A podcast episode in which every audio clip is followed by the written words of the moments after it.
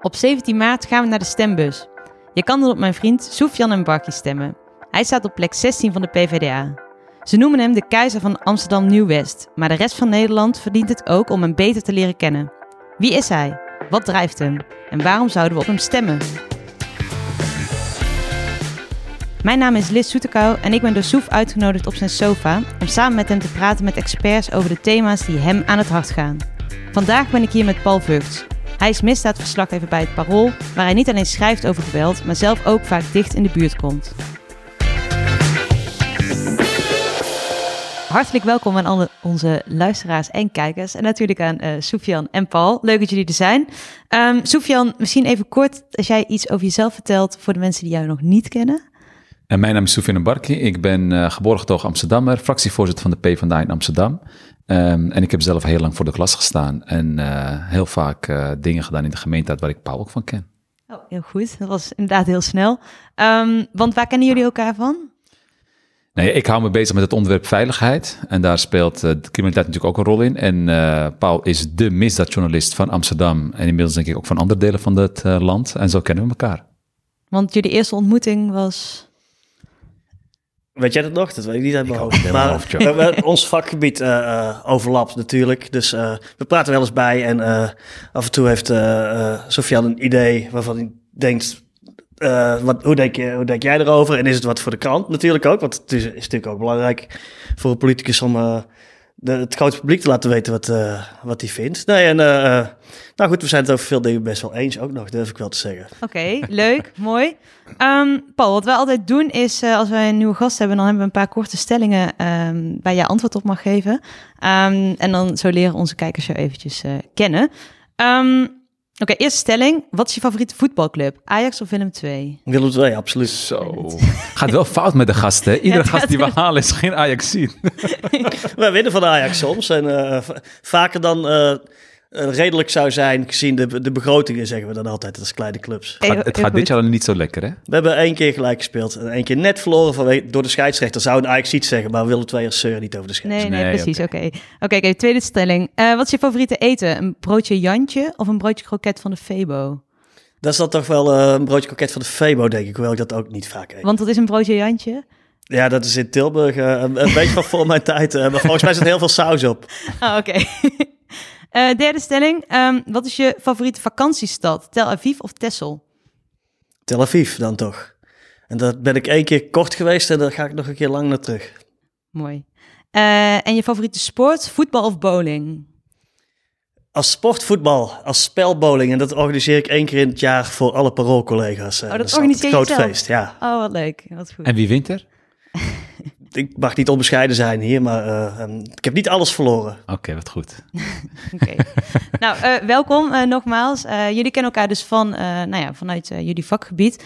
Um, ik dacht, we beginnen misschien even met een eerste stelling van de straat. Hallo Soef en Paul, hier spreekt Bram van Lenting. Um, ik heb de volgende stelling. In Amsterdam wordt heel veel drugs gebruikt. Vinden jullie dat de stad leidt aan een drugsverslaving? ik ben benieuwd wat jullie hierover denken. Thanks. Ja, dat is op verschillende manieren waar. Uh, er zijn uh, veel Amsterdammers uh, die behoorlijk wat drugs gebruiken. en dat was tot een paar jaar geleden niet heel erg omstreden. Bijvoorbeeld cocaïne snuiven één keer in de week in het uitgaansleven. Daar is daarna wel veel kritiek op geweest, omdat gesteld werd... als je veel drugs gebruikt, dan hou je ook de drugseconomie gaande. Op een andere manier heeft Amsterdam ook een drugsverslaving. En dat is dat er nogal wat eh, criminele organisaties in Amsterdam betrokken zijn uh, die mee eten van de honderden miljoenen euro's per week die je kunt verdienen met uh, de internationale handel in harddrugs, met name cocaïne. En dat heeft ook als tot gevolg dat heel veel jongeren, bijvoorbeeld in kwetsbare gebieden zoals Amsterdam Zuidoost, zich laten verleiden deel te nemen aan die drugshandel, bijvoorbeeld door grote partijen cocaïne uit de haven te halen. En daar beginnen enorme problemen. Um, Waar uh, uh, Sofian ongetwijfeld ook een uh, mening over heeft. Maar dus op allerlei vlakken heeft Amsterdam heel erg last van die drugsverslaving. Oké, okay, eens dus, Sofian? Ja, ik ben het eens met deze stelling. En met name dat laatste deel. Ehm, kijk, een verslaving dat is één. En eh, mensen mogen natuurlijk zelf bepalen wat ze gebruiken en wat ze niet gebruiken. Maar wat je ziet is dat ehm, het drugsgebruik in Amsterdam leidt ook tot eh, eh, bijvoorbeeld een hele markt waarin ook bezorgd moet worden. Dat zijn vaak jonge Amsterdammers, niet alleen uit Zuidoost, maar ook uit Nieuw-West en andere delen van de stad. Ehm, dus onze drugsvraag, die wordt eigenlijk gefaciliteerd door heel jonge Amsterdammers die, daar, die, die daarin ook soms heel kwetsbaar zijn. En dat is wel een, ja, dat is een zorgelijke zaak. En als we het hebben over drugs in Amsterdam, wat, wat is dat dan? Nou ja, die, die eh, couriers van drugs bijvoorbeeld, eh, die moeten niet onderbelicht blijven. Het is veel cocaïne waar, het, waar de problemen zitten. Kijk, Volgens mij is het ongeveer 4 kilo per Ja, week. er is, er is weinig betrouwbaar onderzoek. En er is maar het, een onderzoek dat wel eh, gedaan wordt, is daar eh, in de riolering. Dus welke afvalstoffen van cocaïne er worden aangetroffen. En daaruit blijkt dan volgens mij zelfs 4 kilo per dag. Als, als er geen corona is. Ja, en per er dag, geen ja, sorry. lockdown. Ja, En ehm, Aan cocaïne. Dat wordt gebruikt dus. Maar je moet daarbij bedenken dat Amsterdam niet alleen een gebruikersstad is, maar ook de plek waar grote bazen afspreken en voor de internationale eh, drugshandel. Dus dat zegt nog niet alles. En dan erbij kun je afvragen natuurlijk of, of dat nou het enige onderzoek is waarnaar je je zou moeten richten. Maar het is natuurlijk heel moeilijk te onderzoeken. En behalve cocaïne wordt er natuurlijk ook op allerlei andere manieren met drugs eh, eh, gehandeld en eh, gebruikt. En een grote zorg bijvoorbeeld nu is de crystal meth, die eigenlijk internationaal zeer verslavend en zeer schadelijke drug. En de laatste tijd zien we dat, dat er bijvoorbeeld ook, ook door Amsterdamse organisaties, landelijk en zelfs internationaal, ook wel crystal meth labs worden opgezet en zo. Dus het is veel kleuriger dan dat, maar de drie grootste problemen zijn cocaïne, cocaïne en cocaïne, wat Amsterdam betreft. ja. Oh. En waarom is het in Amsterdam? Wa- ja. Amsterdam heeft natuurlijk eh, een hele goede infrastructuur, eh, letterlijk en figuurlijk. Dus goede wegen en vliegveld en zo, maar ook ehm, eh, digitaal. En eh, Amsterdam heeft een, voor de wereld een eh, mild strafklimaat. Amsterdam wordt beschouwd door criminelen als een prettige, prettige plek om te ver- verblijven. En we zijn natuurlijk strategisch gelegen in Europa, met een groot achterland en met eh, grenzen die eh, voornamelijk open zijn. Dus doorstoten van partijen. Stel, het komt via Zuid-Amerika, via de lekke havens van Rotterdam, Antwerpen, een beetje Vlissingen, eh, naar hier. Dan gaat het daarna naar Duitsland, Scandinavië, eh, Engeland. We gaan zien hoe het met de brexit eh, gaat.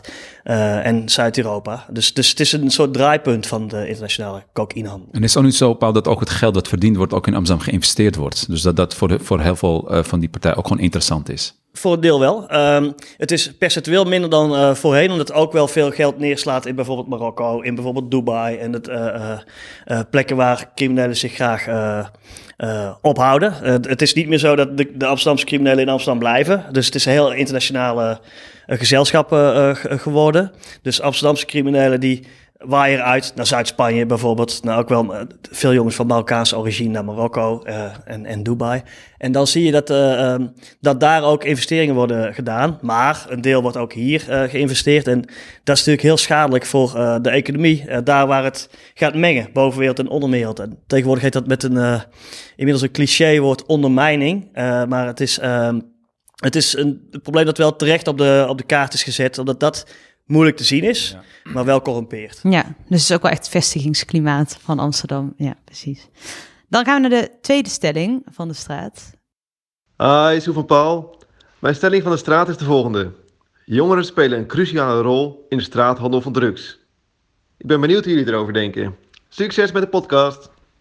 Ja, nee, dat, dat is zo. Kijk, voor de distributie van de, van de drugs naar de gebruikers hier, dus dan heb ik het niet over de grote partijen die de wereld over vliegen via Amsterdam.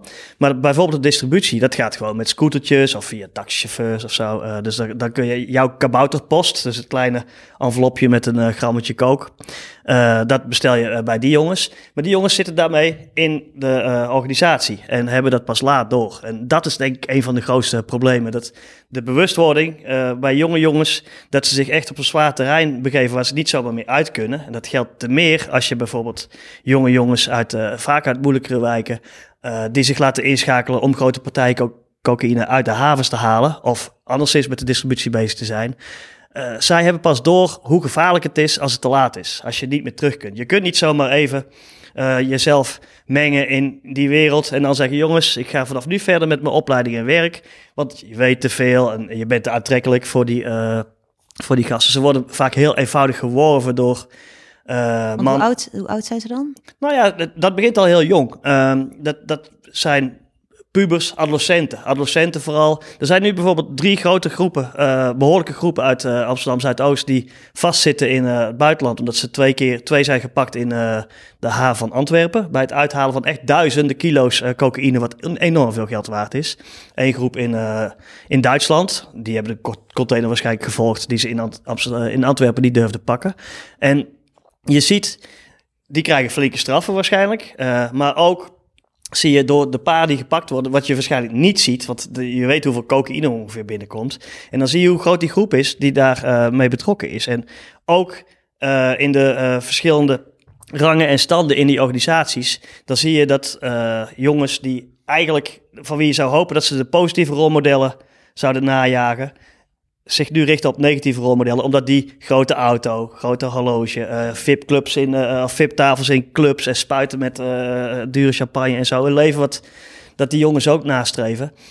Ze laten zich verleiden de, met beloftes over, over geld. Ze beginnen aan die drugshandel. En het is ontzettend lastig om er weer uit te komen. En voor je het weet zit je in grof geweld. en ik ken echt veel te veel jongens al die op heel jonge leeftijd als twintigers dan wel in de cel zijn beland voor lang dan wel inmiddels in de kist, omdat ze zijn vermoord. Ja, ja maar volgens mij is dit, is dit ook het grote probleem. Kijk, ik denk persoonlijk dat uh, een kant is die misschien nog onderbelicht is het feit dat wij hier in Amsterdam per dag 4 kilo cocaïne ge uh, gebruiken. Dat moet gefaciliteerd worden. Dat wordt gefaciliteerd door dit soort jongens.